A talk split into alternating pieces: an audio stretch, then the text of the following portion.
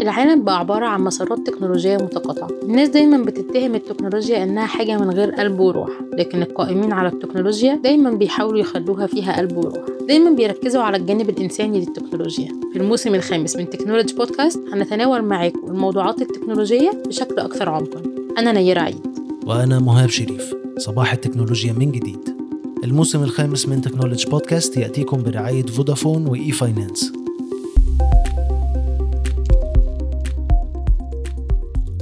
6 مليار دولار حجم صناديق السيرش فند عالميا. نموذج جديد للاستثمار في الشركات المتوسطة والصغيرة وتحقيق 30% عائد سنوي على الاستثمار. أحسن استثمار موجود. ليه؟ لأن أنت بتحط فلوسك في نوع شركة تقدر تستحمل أدوات التمويل المبتكرة دايما بتظهر بالتزامن مع الأزمات المالية الكبرى ومع أزمة مالية بتواجه العالم كله غالبا بتكون القطاعات الاقتصادية الأصغر هي الأكثر عرضة للهزات الاقتصادية العنيفة. وهو ما يظهر في تأثر الشركات المتوسطة والصغيرة حول العالم بالأزمات الاقتصادية على مر الأوقات المختلفة. وأظهر تقرير البنك الدولي عن آفاق النمو الاقتصادي أن منطقة أوروبا وآسيا الوسطى من المتوقع أن يتباطأ معدل النمو فيها إلى 3% في عام 2022 و2.9% في 2023 بينما في منطقة الشرق الأوسط وشمال أفريقيا من المتوقع أن يتسارع معدل النمو إلى 4.4% في 2022 قبل أن يتراجع إلى 3.4% في 2023 في حلقة سابقة لينا كنا تناولنا تأثير الأزمة الحالية وتأثيرها على قطاع الشركات الناشئة. وفي الحلقة دي قلنا إن الشركات الناشئة بتشهد أقل معدل استثمار منذ الربع الثاني من 2020 وصناديق الاستثمار والمستثمرين الأفراد بل والشركات أبدوا حرص كبير في توجيه الاستثمارات خلال الفترة الحالية. وده كان وفق تقرير صادر عن KPMG اللي قال إن الشركات بدأت إنها تبحث عن أدوات تمويل مختلفة ومبتكرة.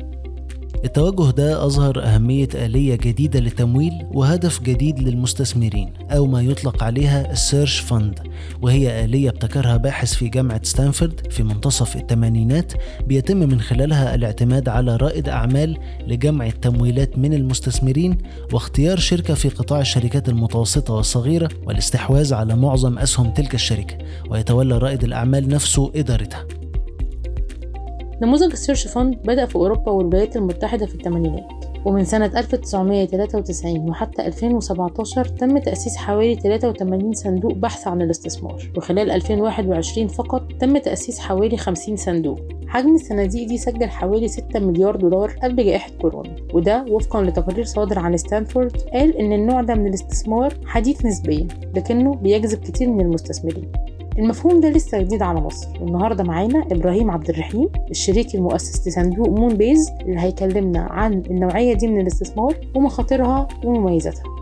ال search fund ده هي ال vehicle أو الشركة اللي بيستعملها عشان يلم فيها فلوس وعشان يدور على الشركة. حلو. بعد ما بيعمل ال search fund ده بيروح يبص على مستثمرين. إحنا واحد من المستثمرين دول. وبيتفق مع عدد كبير من المستثمرين. تتكلم مثلا 15 20 مستثمر. كل واحد فيهم بيحط له بتاع مثلا 5% في ناس بيحطوا أقل في ناس بيحطوا 7 8% بس ما حدش فوق 10% بس. فبتتكلم على إن هو مش أنا بقى بعملها لوحدي. لا ده إحنا بنعملها مجموعة كبيرة جدا من المستثمرين. وإحنا مالناش دعوة. هو اللي بيكلم كل واحد فينا وهو اللي بيعمل بيختار المستثمرين اللي هو عايز يشتغل معاهم. بعد ما يتفق على المستثمرين دول كل واحد فينا بيديله مبلغ صغير وبنوعده إن إحنا هنساعده في التدوير. بيبدأ بقى يبص على الأساميز اللي هي الشركات المتوسطة والصغيرة. يقعد يدور بقى سنتين كاملين بيقعد يدور على شركات ويدور ويدور ويدور لغاية ما يلاقي واحدة عجبته. يرجع لنا. يقول يا جماعة أنا خلاص لقيت واحدة عجبتني. طبعا أنا في الفترة دي بنبقى معاهم على الخط بس يعني أول ما يلاقي شركة بيرجع لنا. يا جماعة لقيت شركة. تدخل معايا ولا ما تدخلش؟ لو عجبتك الفكرة والشركة عجبتك تقول له ماشي أدخل معاك. ساعتها بتستثمر بقى. متوسط كل واحد فينا بيحط له بتاع نص مليون دولار يعني. فمش مبلغ كبير قوي برضه. فكل واحد فينا بيحط نص نص نص نص في الآخر بتجمع المبلغ اللي هو عايزه وبيشتري الشركة. لو بقى الشركة ما عجبتكش وهو هيشتريها بيرجع لك الفلوس اللي انت دفعتها له وعليها 50% كمان ويقول لك خلاص امشي انت أنا هجيب حد مكانك. انما بقى لو ما لقاش شركة خالص بعد سنتين بتخسر الفلوس اللي انت اديتها له ديت. في المتوسط في بتاع 20% منهم ما بيلاقوش شركات. الباقيين اللي هم التلتين أو ال 70% اللي بيلاقوا شركات بيرجع لك فلوسك عليها 50% زيادة. فده بيعوض الشويه اللي ما بيلاقيش. هو الموضوع شوية شوية الناس بتعرف عنه بيتكلموا عنه. بره الموضوع ماشي بشكل فظيع يعني. ما بقولوش كتير بس بيزيد لدرجة جامدة جدا يعني. العائد على الاستثمار هو المحرك الأساسي لضخ الأموال في أي مشروع ومن خلال الاستثمار في الشركات المتوسطة والصغيرة اللي وصلت لمرحلة من النضج الكافي لتأدية أعمالها بيوفر حوالي 30% عائد على الأموال المستثمرة. أحسن استثمار موجود. ليه؟ لأن أنت بتحط فلوسك في نوع شركة تقدر تستحمل الهزات ديت. لانها شركة صغيرة فملمومة. وهي شركة الحكومات عادة يعني أوروبا أكثر شركات الحكومات ساعدوها هي الصغيرة والمتوسطة. ستانفورد بتقول إن ال search fund investing اللي هو اللي إحنا بنعمله بيجيب عائد للمستثمر تقريبا 28% في السنة. ده مش موجود بقى في أي حاجة في ال 30 سنة اللي فاتت. ده متوسط ال 30 سنة اللي فاتت مش أعلى حاجات ولا بتاع. لو بصيت على متوسط بقى ال venture capital أو حتى Apple نفسها لو أنت كنت حطيت فيها فلوس من 30 سنة أو ال private equity أو البورصه اللي هو ال S&P هتلاقي إن هو أقل بكتير يعني. فهو أعلى عائد موجود في أي حاجة تاني صندوق Moonbase عنده خطة طموحة خلال الفترة المقبلة وبيستهدف جمع تمويلات من كل أنحاء العالم عشان يبدأ الاستثمار في أوروبا وآسيا في المرحلة الجاية كمان عندك شركات في مصر ولا هتركز الأول على وجود شركات خارجية وبعدين تبص على السوق المصري؟ لا أنا الأول بنبص على الشركات الخارجية عشان السوق هناك بقاله كتير في الموضوع ده. فبداية إحنا كشركة لسه صغيرة عايزين نبدأ في السوق مضمون وشغال والحكاية دي أثبتت فيه يعني. فإحنا كمون بس هنبدأ بره الأول وبعدين إن شاء الله الفند هنعمل أول صندوق هنعمله يستثمر في أوروبا وبعد كده إن شاء الله الصندوق اللي بعد كده هيبقى بقى داخل في مصر وبلاد نامية ثانية يعني. فإحنا حاليا بنريز صندوق ب 15 مليون يورو.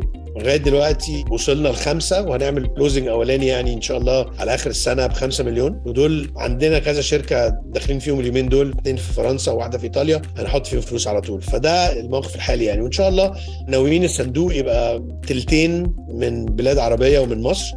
يمكن تلت من أوروبا فلوس أوروبا يعني بتستثمر في أوروبا يعني. بس كتير قوي من الناس المصريين مهتمين بالموضوع انه فرصة إن هم بيستثمروا في مصر برضه يستثمروا بره فيبقى محفظته فيها بعض الحاجات باليورو وبعض الحاجات بالجنيه المصري.